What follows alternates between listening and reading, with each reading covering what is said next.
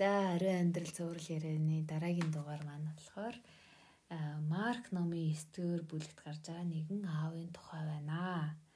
За тэр аав өөрийнхөө хүүг авчраад энэ Есүсийн дагалдагч нараар эдгээлэхийг хүссэн. Тэгээд нөгөөдөл нь чадаагүй.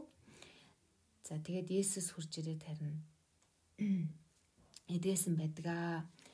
Аа тэгээд тэр хүүгийн аав болохоор та юу ч хийж чаддаг бол биднийг өрөвдөж туслаач гэж гуйсан. Тэр тэр хүсэлтийн цаанаас нэг юм итгэл багтаа байгаа шин чанар ажиглагдсан юм шиг яагаад тэгэхээр Есүс түнд та чаддаг бол гэв итгэдэгт нь бүхэн боломжтой гэж хэлсэн. Тэгэхээр итгэл багтаа байна гэсэн утгатай үг нь Есүсийн амнаас гарч ийн л та. Тэгсэн чинь нөгөө хүү яав тэр 24 дугаар эшлэл дээр болохоор би итгэж байна итгэлгүй байгаад минь туслаач хэмээн чарлсан байна. Тэр нь бүр сандраад яана миний итгэлгүй байдлаас болоод хүүд маань гай очирчгүй гэдэг нөгөө ахаа бүр ингээ маш чангаар хашгирсан байхгүй. Тэрэнд ингээ сандрахаараа хүн хашгирдаг тийм ээ. Тий, ойрлоо бахарна.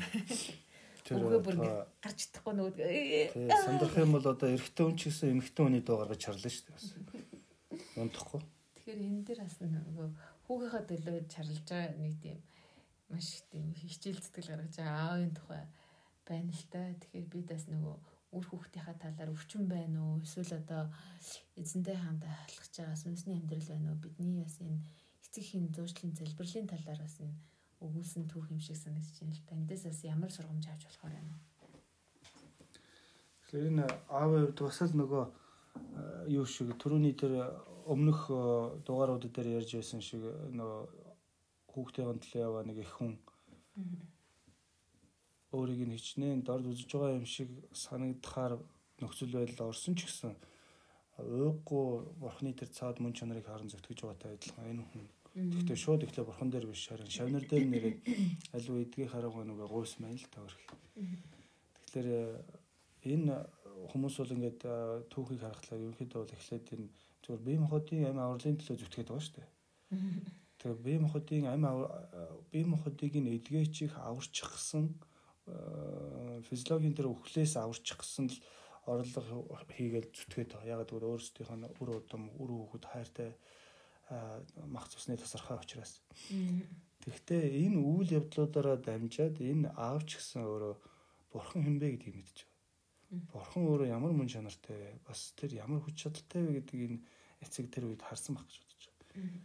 Тэгээд яг хоо тэр хүүхдүүдийнхаа бие махбодын төлөө ингэж улайран гэж явж байгаа энэ аавыг харахад бид ч гэсэн аавууд бид ч гэсэн өнөөдөр үр хөвгтөө яг амьд эрүүл байгаа дээр нь л бурхантай холбож өгөх хамгийн чухал асуудал гэж би бодож байна л да.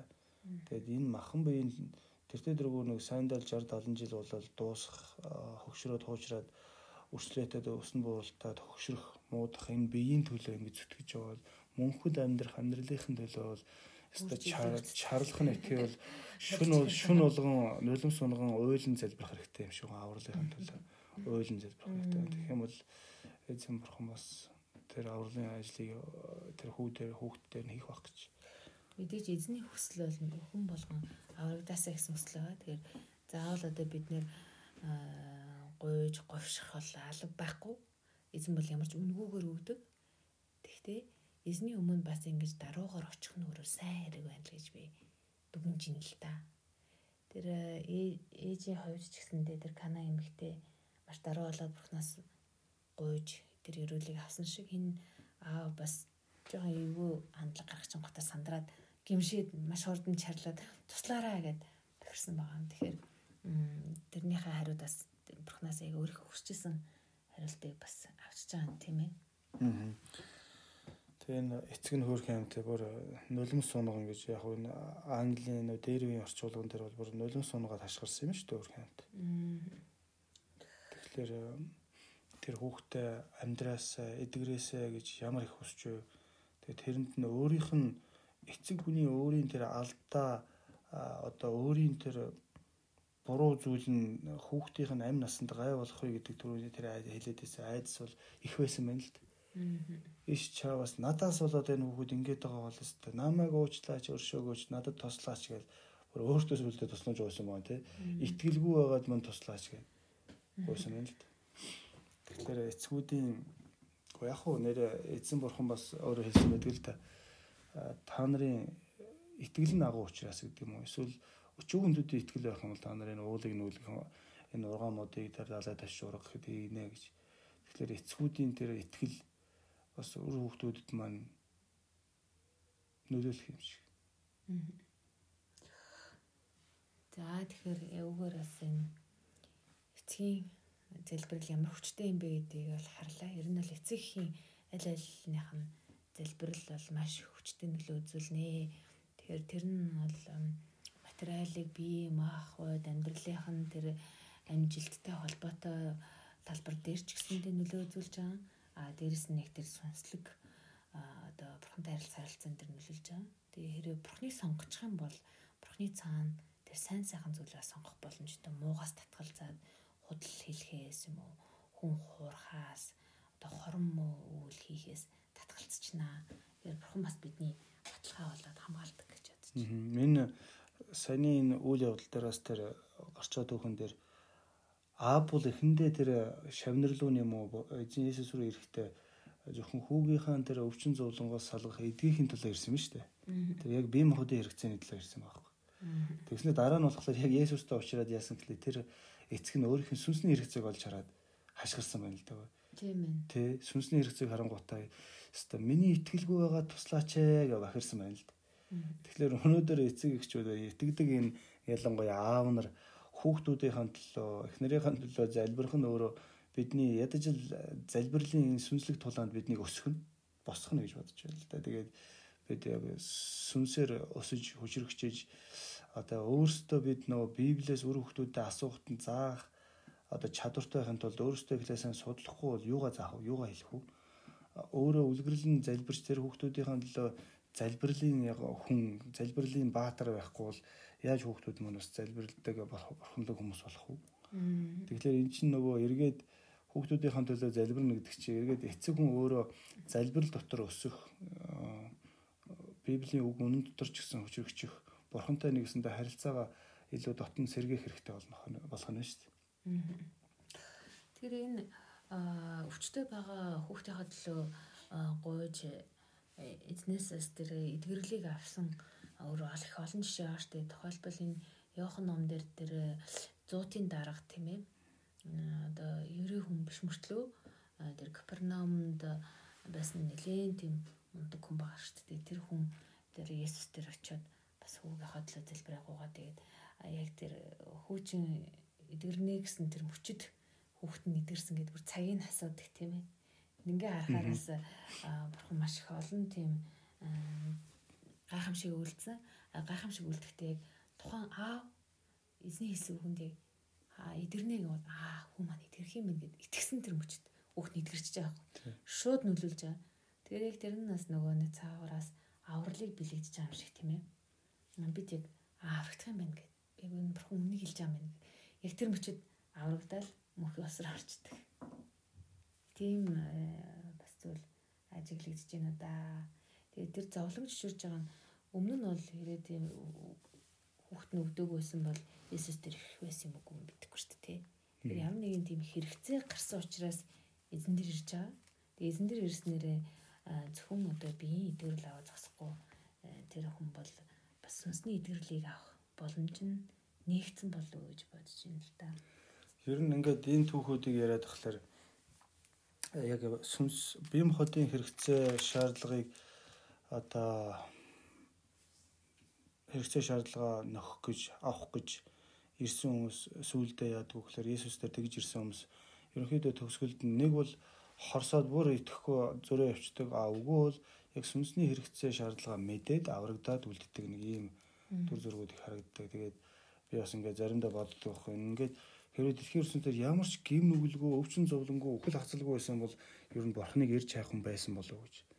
Тэгэхээр хэдийгээр яг нүгэл орж ирсэн их онцгой муухай зүйл боловч бурхан энэ зүйлийг ашиглаад өөрсдийнх нь сүнсний хэрэгтэй бидний тэр сүнсний хэрэгцээг өөрт нь тэр учирж байгаа туулж байгаа зовлонгоор нь дамжуулаад сүнсний хэрэгцээг нь бас мэдүүлчихдэг юм шиг.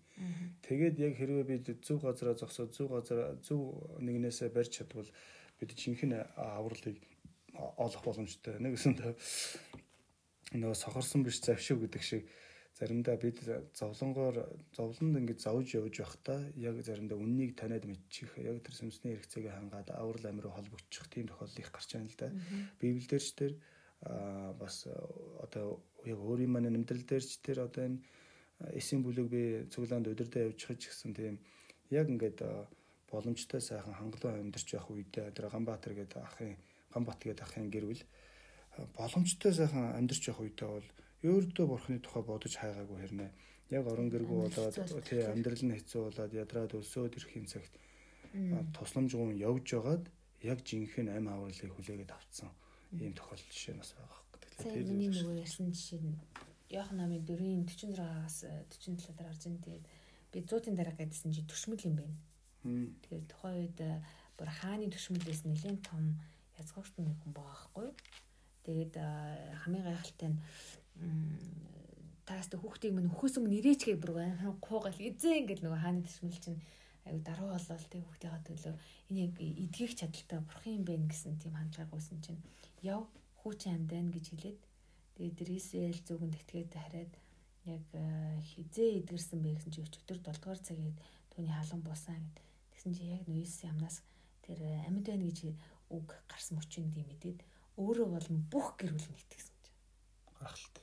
Тэгэхээр гэр бүлэр нь тийм итгэх эзэн дээр ирэх тийм гайхамшиг эзэн үлдчихжээ. Тэгээ тэр эцгийн хувьд бас юу байна те?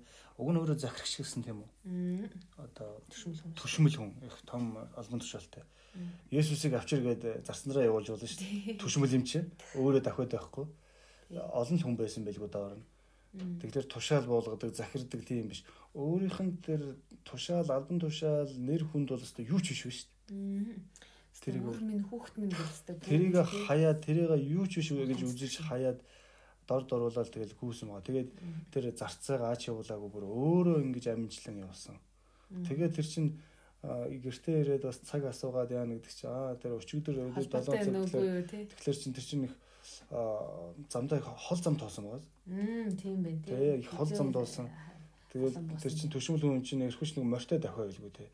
Тэгэхээр хол зам туулсан байгаа. Тэгээд хол зам туулаа явж байгаа дотор хөөх юм тэр юу тээж очиж очисон бол Есүс дээр те. Яаж зовсон болов? Есүс дээр ямар зовлон тээж очисон бол тэр хол газар. Нэг хоёрт болохоор Есүсийг тэгж хэлэхэд бас ямар итгэл тээж те эргэлзээ орж ирэхэд тэрнтэйгээ тэнцэж байж гэртээ очисон бол гих мэтлэн нэлээ олон үйл явдал болсон баг. Тэгтээ маш сайхан юм төгсгөл нэг сайхан түүх байна. За өнөөдөр бидэнтэй хамт байсан танарт баярлалаа. Баяртай. Баяртай.